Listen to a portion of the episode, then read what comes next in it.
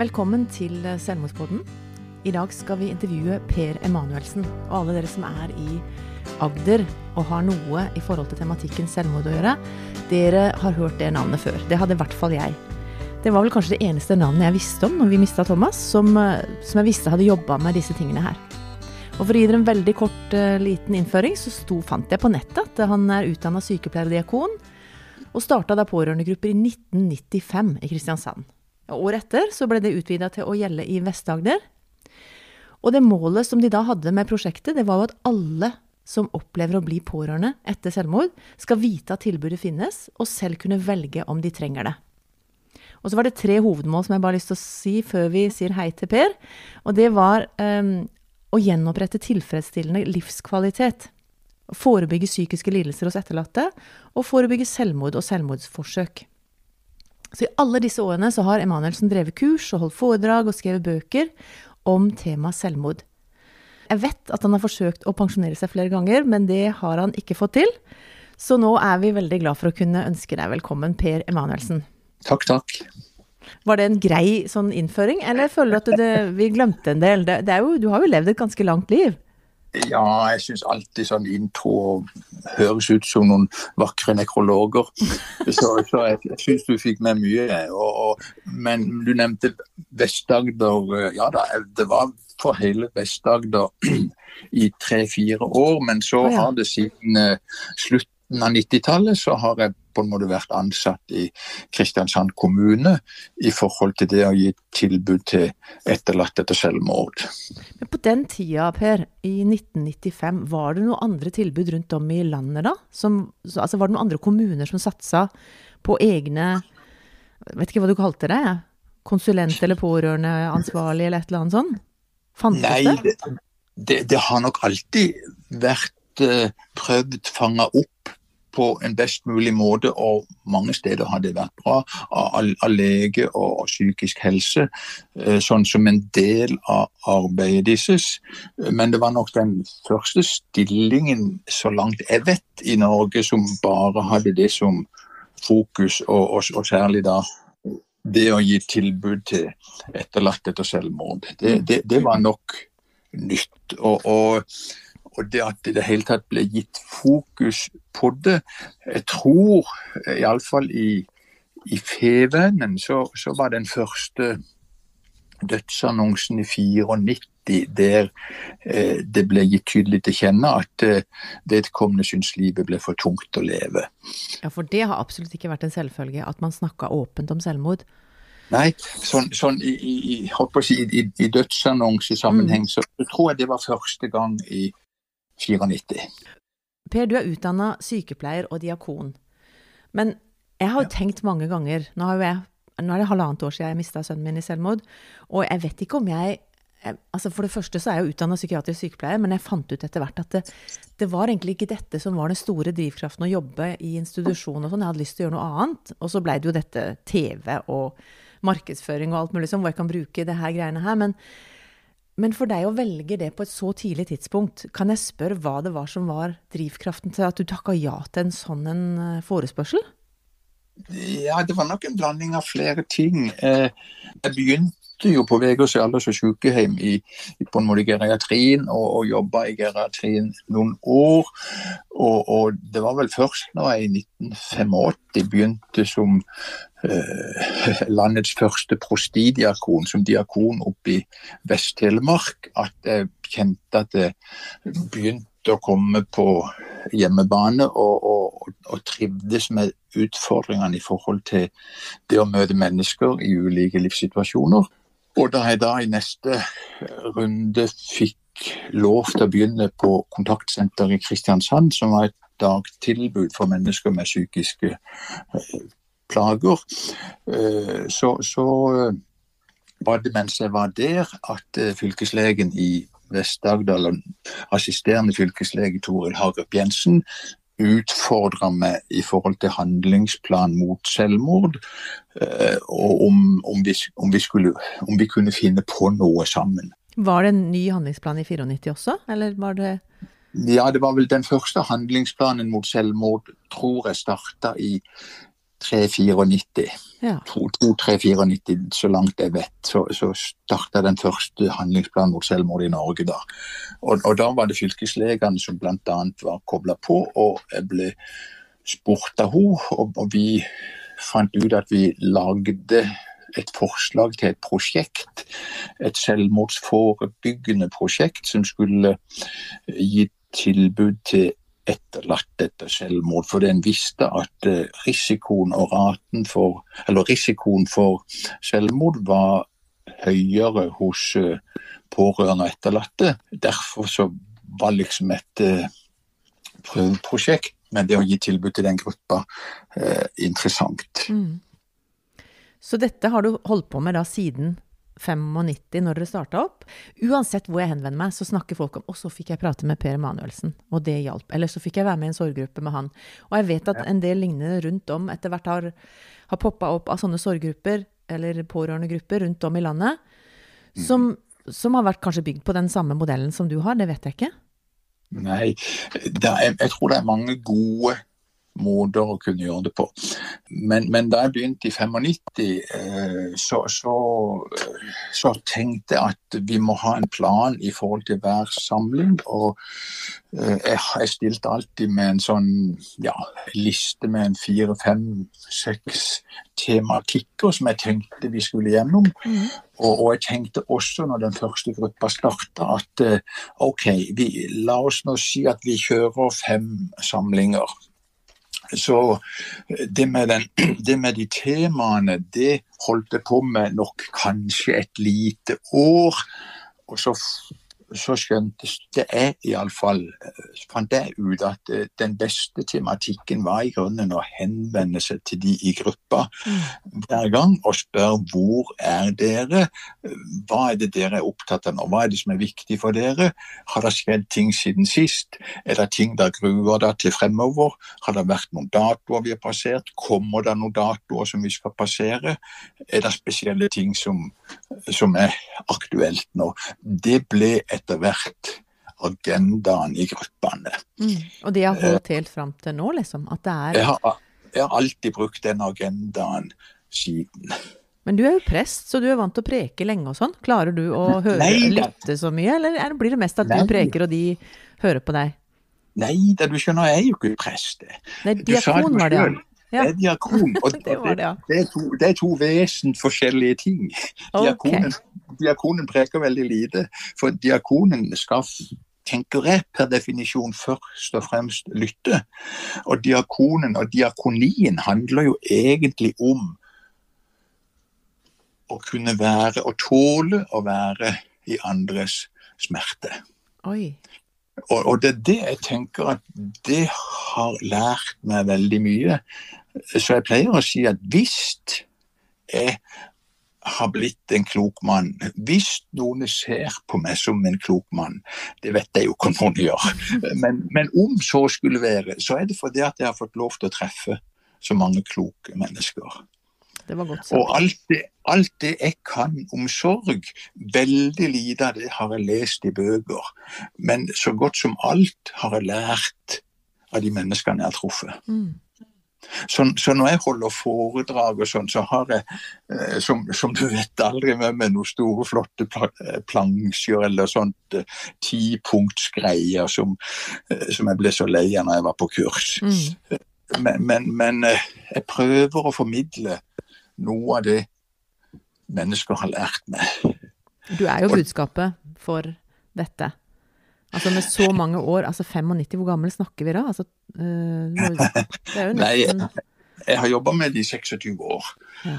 Uh, og, og, og, og, du kan si de, de, bøkene jeg har skrevet, de er jo også i veldig stor grad et resultat av alle de gode menneskemøtene jeg har hatt. For, for det bøker som, som handler om det å finne gode tanker og gode veier videre. Vi er litt opptatt av å få, få, fram de ressursene, Per, så du må gjerne si et par ord om de bøkene du har skrevet. Er det noe som kan være interessant for de som hører på podkasten?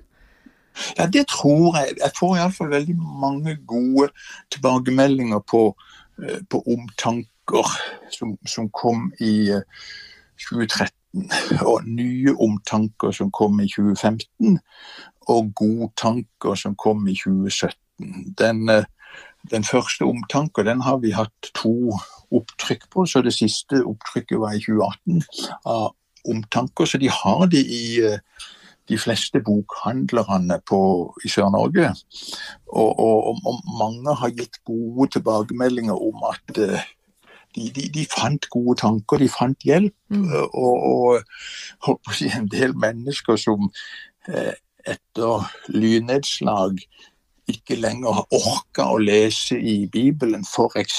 har sagt at men dine bøker de kunne vi lese i, og de, de var gode å lese i.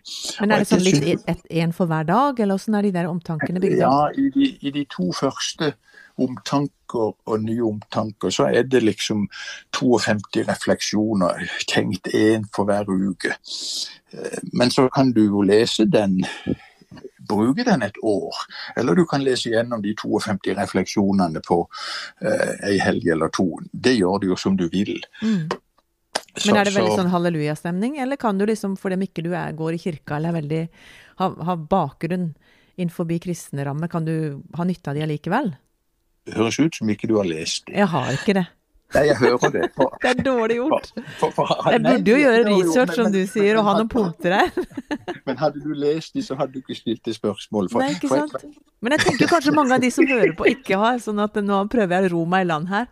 Jeg, jeg, er ikke redd for å virke dum på disse tinga, men jeg tenker at eh, når du er diakon, så er det mange som tenker at OK, det blir sånn derre Ja, så skal vi lese. Jeg skriver ikke andakter. Jeg skriver ikke vanlige andakter. Og, og, og, og det var en, eh, et godt menneske oppe i Setesdal som sa ja, men eh, jeg, jeg finner aldri Gud i, i, refleksjonene dine, sa han. Nei, det gjør du nok ikke. Du finner nok verken ordet Gud eller Jesus eller Den hellige ånd. Men, men, hvis du klarer å lese mellom linjene, så ser du at det handler om det å bry seg. Det handler om diakoni. Det handler om nestekjærlighet.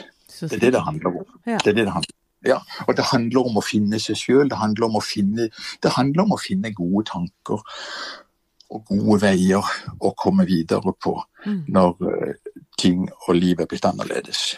Jeg har aldri vært borti at en blir så totalt kaos oppi toppen. Og jeg er ganske glad i å lese, altså. Men jeg klarte ikke å lese et ord, liksom sånn. Det måtte være veldig kort. Og det, sånn er det ennå. Det jeg får noe ut av, det er korte ting. Som jeg kjenner meg igjen i. Ja, og det det, det, det er. Og, og, jeg kommer aldri til å skrive noen bøker om på en måte mitt arbeid i forhold til uh, selvmordsforebyggende arbeid. Det jeg har gjort, det er de tre. Og jeg, det kan godt være at jeg lager en bok til. Uh, jeg jobber for så vidt med det, for jeg skriver hver uke refleksjoner som jeg sender til den lokalavisen der jeg er diakon, så nå er det Setesdølen som, som, får en refleksjon hver uke. Men du fortsetter i hvert fall å dele av det som du Jeg fortsetter å skrive, ja. For, for, for jeg kjenner at det å ta vare på meg sjøl handler også om å, å, være nysgjerrig på å finne gode, nye tanker. Mm. Så, og den, den, siste jeg skrev, den, den handla om eh, det å finne å, og, lage seg noen gode serviceavtaler. For jeg fikk, jeg hadde bilen på service, og så ble jeg overraska over at det ikke kosta noe denne gangen. Men så skjønte jeg jo at det kosta ikke noe fordi jeg fikk så dårlig service forrige gang. Så gjorde de det opp igjen. Så, så, så, så tenker jeg vi, vi, vi, må lage oss noen gode uh, serviceavtaler. Og, og da, uh, Det er sjeldent, men i den refleksjonen som jeg skrev om serviceavtaler, så skrev jeg at den beste serviceavtalen jeg vet om, det er den som en mann eh, snakket om for 2000 år siden når han skrev 'Kom til meg, alle dere som strever og bærer tunge byrder, og jeg vil gi dere hvile'. Mm. Vi må finne, uansett hvor det er, og uansett hva det er, så må vi finne noe som gir oss hvile. Vi må finne noe som gir oss energi. Vi må finne noe som gir oss nye krefter. Og så kan det være eh, hva det skal være, bare det er noe som er godt, og noe som løfter oss. Du verden, du er god med ord. Jeg kjenner at det er eh, godt å høre på deg, Per. Jo, og jeg, jeg, jeg, har ikke noe behov for å på en måte puffe på mennesker en spesiell tro eller en spesiell mening, men jeg har behov for at mennesker skal finne det som er mulig for de å finne. Mm. for å kunne leve videre. Det jeg har litt lyst til å vite før vi går inn på sånn direkte hva, hva handler pårørendegrupper om, så har jeg lyst til å spørre deg om hva annet er det du kan tilby? på en måte? Hva er det du ser virker for mennesker som har mista en venn, en mor, en far, et barn, eh, en ektefelle? Hva er det som, Hvis du kan si noe kort om hva er det som du tror hjelper mest? Jeg tror noe av det viktigste og vanskeligste er å akseptere eller på en måte godta at det som har skjedd, har skjedd. Ja. Det er kjempevanskelig, men det er helt nødvendig for å kunne få et så godt liv som mulig i fortsettelsen. Hvordan kan man gjøre det, da? Ja, jeg, vi har sånn tror... fire punkter eller et eller annet sånt. Nei, Ikke sant? Åh, det hadde vært så enkelt hvis det var uh... Ja, nei, men det, dette er ikke enkelt. Men, men, men, men, men jeg tror jo Jeg tror jo også at det handler om å tillate seg å se og høre og få øynene opp for å tillate seg å åpne øynene for de og det som er igjen. For alle som mister, har et eller annet igjen. Og det er lettvint og på en måte Vi må aldri falle i den grøfta at vi sier til den mor som har mista det ene av sine tre barn Ja, men du har jo to barn igjen. Mm. Det er ikke det det handler om. For det må vedkommende se sjøl. Mm. Men, men, hvis den som har mista, klarer å se at det har jo noe igjen, så har en en mulighet til å ha noe å leve for i fortsettelsen. For det er i det vi har igjen, at vi har noe fortsatt å kunne leve for. Ja. Noen har kanskje ingen barn eller ingen mennesker igjen. Jeg har sagt til ei som går til meg her i hønsehuset, da, da må du kanskje prøve å la disse gode venninnene dine få lov til å være de du har igjen. Mm. Og gjøre de til det beste du har igjen. For, for, for det, er, det, er, mange ulike uh, typer hendelser, og det er mange ulike livssituasjoner. Men alle, hvis vi tør og våger å se rundt oss, f.eks. om vi klarer å se de blomstene som nå snart spirer, om vi våger å glede oss over ja, så, så, så, er det noe. Men, men, det må komme innenfra hos den enkelte. Jeg forteller aldri noen hvor de nå skal finne glede. Jeg forteller aldri noen om hva de nå må gjøre. Mm. Men jeg spør alltid er det mulig, fins det noe? Fins det en bitte liten greie? Fins det en bitte, lite, en bitte liten solstråle som du kan henge fast i og, og på en måte gradvis gjøre større? For hvis vi resten av livet har all fokus på den vi har mista, ja, da mister vi de vi har igjen. Oi. Det er, det er noen sånne, jeg, jeg, ser det jo bare som sånn nesten Instagram-poster de tingene du sier, for det er så dypt. En setning med ord som bare Jeg husker jo bare Astrid, som du kjenner litt siden du har jobba i, i Bykle, som er i Leve. Ja. Og hun fortalte jo på en måte sin story til meg når vi, når vi var der, og sa det at det, det, som ble viktig for henne, da, det var jo at ikke hun brukte mer tid på den hun hadde mista, enn på de hun hadde igjen. Ikke sant, og jeg tok det litt med at jeg tenkte det vet jeg ikke om jeg hadde klart å høre fra noen andre sånn eh, Eller tenke så mye på hvis ikke det var fra en som var en likeperson, som hadde opplevd det. Som sa at ja. dette må du være litt ekstra obs på. At du har mange gode mennesker rundt deg. Og altså, bruk de, se de, og, og eh, altså tør å fortsette å leve, liksom. Per Emanuelsen, tusen takk for at du fortalte oss litt om din bakgrunn og det du har eh, holdt på med i 25 år. Og så blir det en ny episode om ikke så lenge til, så takk skal du ha, Per. Takk skal du ha for den jobben du gjør. Ha det godt. Ha det, ja. Helt til slutt har jeg lyst til å fortelle hvor du kan få hjelp. Kirkens SOS er en døgnåpen krisetelefon. Det samme er Mental Helse. Leve, Landsforeningen for etterlatte ved selvmord. Legevakten 116 117. Kors på halsen, Røde Kors sitt tilbud. Det er en samtaletelefon for barn og unge under 18 år. Og så er det tilbudet som heter Snakk litt, mellom Helsesista, Kirkens SOS og Nyby. Helt til slutt har jeg bare lyst til å takke deg for at du har vært med på denne episoden. og ønsker deg alt godt videre.